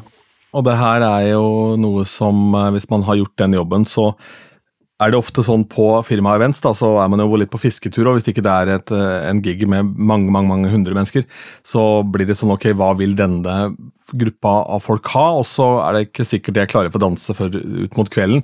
Og da når du endelig får de på gulvet til et eller annet, for du har vært innom masse forskjellige sjanger og prøvd litt her og litt der, så er det jo digg å ha det minisettet på kanskje da fire låter som du veit at sitter med den låta, for da mister du aldri mm. flowen, da, og da har du, de, da har du hooka de. Så jeg gjør mm. litt av det, da. Så jeg har en sånne minisett som jeg har laget, da, som jeg har bolker her med den og den og den. Og i samme key og samme, samme, samme tempo som jeg veit funker. Og så er det publikummet her i dette bryllupet eller hva, hva pokker det måtte være, det, de har aldri hørt meg før, så de kan få de overgangene. Mens gjør du klubb, så må du jo flippe det litt, da. Men det er to forskjellige mm. tilnærminger. Men uh, det, jeg tror ikke det er veldig mange som driver med det og setter opp de minisetsa, men det er jo rett og slett uh, superpoweren til mange av de open format DJ-ene som er de virkelig store borte i mm. USA, som DJ Spider og, og, og, en del av de folka der. da. De har minisets over hele fjøla, stort sett. Ja, det er mange ganger altså, Det må jeg komme i gang med nå. Nå må jeg bare komme i gang med det. Og så ja, kommer jeg liksom aldri ordentlig i gang med det. Men det er jo klart med det, eh, stort sett. da. Eh, rett og slett ja, på, på, erfaring og uh, hukommelse. ikke sant? Altså Jeg vet at den og den låta passer veldig bra med den og den og den. og den, og den. Noen ganger så klarer jeg å, å finne nye uh, variasjoner. Men det som hadde vært så fint, var om jeg faktisk huska de variasjonene til neste gang. ikke sant? Uh, at jeg ikke måtte finne opp kruttet hver eneste gang, liksom. ja, for Hukommelsen kan vi begynne å bli bekymret for, for det har vi sett tidligere i poden her nå. ja, ja, nei, men jeg legger ikke skjul på det. altså. Jeg merker jo at uh, eh, jeg, der jeg før kunne huske eh, ja, sanger og låter eh, i de rekkefølgene som, som funka mye enklere, så, så tar det, sitter litt lenger inne nå, altså. Uh, ja, men uh, det varierer jo litt, altså. Det var jo en periode f.eks. Uh, under covid ikke sant? hvor du, ingen fikk spilt noen ting. Og jeg merka herregud så rusten jeg var etter at Tingene ting starta opp igjen alle de tingene, alle de låtene som måte, satt i hodet, alle de overgangene som satt i hodet uh, uten å tenke på det uh, tidligere, måtte jeg nå liksom, virkelig grave dypt for å komme på igjen. Ikke sant? Uh, så det skal ikke mye til altså, før man glemmer litt sånn ja, flyten. Absolutt ikke. Absolutt ikke. Skal vi se da du ikke lager musikk som ikke verden får høre, eh, eller remixer, eller er DJ, hva er det du liker best å gjøre da? Altså, hva er det som er eh, Er musikk også din happy place, eller har du en, en annen syssel som på en måte også da kan ta deg med til et hyggeligere sted, spille golf, eller hva enn det måtte være? Um, jeg holdt på å si noe så kjedelig som at jeg leser mye. Altså, jeg er glad i å lese, det er jeg. Men jeg har uh, en eh, sparkesykkel som jeg liker å farte rundt på. Uh, og Da snakker jeg ikke bare liksom, uh, bort på butikken. Jeg kan ta en lang tur jeg, rundt hele Oslo. Hvis jeg finner ut at Når folk går en tur i marka, så tar jeg en tur jeg, jeg, kan kjøre opp til Holmenkollen. Ja. Jeg kan Ja, sånne ting. Få den der vinden i ansiktet og kjenne at du lever litt, det er uh, viktig for meg, altså. Uh, når været tillater det, selvfølgelig. Så sånne ting. aktiv på den måten, at jeg kommer meg ut mye. og så er jeg veldig glad i serier på TV og sånn. eller ting som er lastet ned på datamaskin og sånn. det er også jeg skulle ønske det hadde en sånn skal vi si, nytteverdi, det å, kunne, det å ha sett masse TV-serier. Jeg kan ikke helt se det, dessverre, for jeg har brukt dessverre altfor mye tid av mitt liv på å se ja, meningsfulle og meningsløse serier. Så hvis det var en sånn uh, quiz, TV-seriequiz f.eks., uh, et sted, så tror jeg hadde ja, gjort det veldig bra. Eller hvis det var en sånn type um, Jeopardy, altså med TV-serietema, da kunne jeg kanskje fått litt lønn for alt det der eh, strevet, tror jeg. Ellers har jeg kasta bort mye tid av mitt liv. Jeg skal, jeg skal, gi deg en nytteverdi, og det er at du eh, kanskje får med deg at 'Running Up That Hill' kommer til å bli en hit, hvis du har sett uh, den sant, serien med Ja, nå har jeg glemt hva den heter. Um, det kan du se. Den heter ja, Strange Things. Ja, Stranger ikke... Things ikke Også, ja. Hvis man da oppdager nye låter Begynte å spille Gloria igjen med, med, med ja, ikke sant? Nå har du smitta meg, Rune. Ja. Ja. Ja. Ja. Brannigan ja. med Gloria. Ja, Gloria, selvfølgelig. Begynte å spille den etter at jeg har sett den der eh, Versace-serien uh, på Netflix, eller hva det var for noe. ikke sant? For den var jo mye med der. Så det, sånne At du mm. kanskje finner låter som, uh, som du hadde glemt litt, da, det kan man jo må jo ha noe å skylde på, for man føler jo at man har sittet og kasta bort livet sitt når man sitter og glor på det, uh, ofte. Ja, jeg er også sånn, altså, Hvis jeg ser på en serie og hører en låt som jeg ikke har hørt før, og tenker åh, den var kul, da er det stoppe serien og fram med Shazam med en gang. altså. Uh, til folks irritasjon hvis de sitter og ser på sammen med noen, selvfølgelig. Men uh, ja, jeg kan ikke la en, en kul låt gå, ja, gå forbi i stillhet. Hva, hva gjør du på kino? Nei, da er det rett opp til eh, kinooperatørene. Nei da, det er ikke det. Det er ikke så gærent. Nei, på kino så Da får det heller bare være. Men uh, hvis jeg har muligheten, så må jeg alltid eh, prøve å få ID-en på, på, låta, hvis det er en kul låt som jeg ikke har hørt. Ja, helt enig. Jeg er på akkurat samme måte, og så ender jeg opp da Hvis det er på kino, så ender jeg opp da med å prøve å skrive ned sånn diskré på mobilen noen linjer fra den låta, sånn, for å finne en seinere. Oh, ja, ja. Jeg har vel noen linjer som jeg ikke fant før jeg fant en sånn komplett oversikt over låtene i filmen. Og hvis det er en film som har mye musikk, da, så blir du sittende og høre gjennom utrolig mye før du finner den du er ute etter. Og det er ofte, dessverre, ofte dessverre de låtene som jeg da ikke kjenner til fra før, får jeg da heller aldri brukt til noe, for jeg er kommersiell DJ. ikke sant? Jeg spiller jo Det blir krydder overfor meg selv, da. Ja, en, ja, én låt, jeg vet ikke om du også har det, sikkert alle DJs har kanskje én sånn låt, som uh, The One They Got Away, som er, Ja, det er en låt som jeg syns var så fin, men jeg har aldri klart å finne ut hvem eller hva som, uh, som synger den, eller hva låta heter. Jeg hørte den på radio sikkert på slutten av 90-tallet eller noe sånt. Eller ja, kanskje på begynnelsen av 2000-tallet aldri klart å finne den låta, og det er helt utrolig. Det er kun én låt. Jeg kan bare nynne for den, kanskje sånn avslutningsvis. Jeg kan nynne den litt. Den går noe sånn som dette her. Jeg husker ikke teksten engang.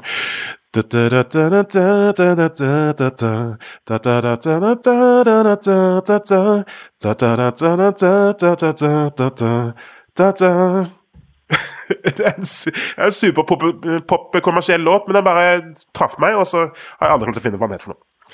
Så jeg prøvde å shazamme sammen jeg prøvde alle mulige Houndog, alle disse her forskjellige tjenestene. Nei, umulig. Så ja, det er uh, ja. traumatisk.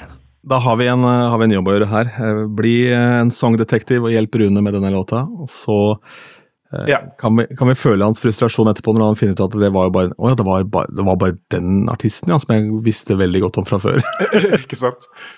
Nei, jeg håper jo selvfølgelig gjennom dette her nå at noen klarer da å finne den låta her og gi den til meg, sånn at jeg kan uh, endelig få en god natts søvn igjen.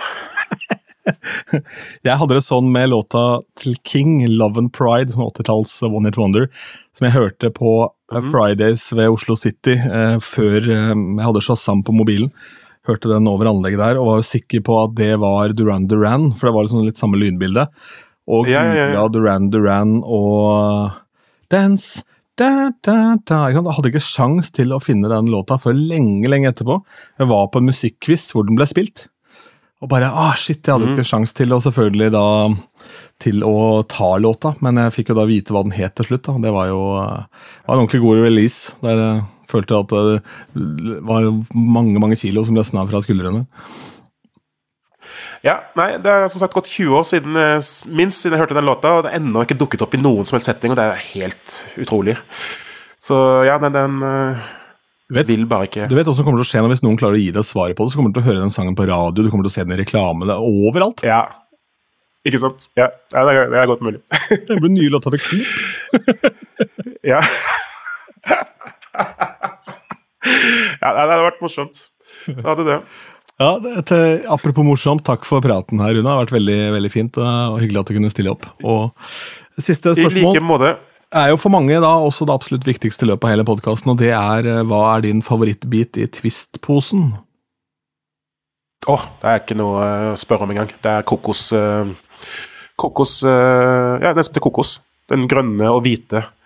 grønn og hvitt papir. Kokos. Ja, det er en, en til. Ja, Dimen også. Dime. Dime og kokos. Hvis vi lar det gå lenger, så blir det enda Ja, nei, men det er de to, altså. Eh, De grabber jeg til meg så fort uh, jeg har mulighet. Oi, ringer telefonen. Beklager, glemte å skru av den. Um, ja, de grabber jeg til meg uh, så mye jeg kan. Og kokos fra Soulboss der.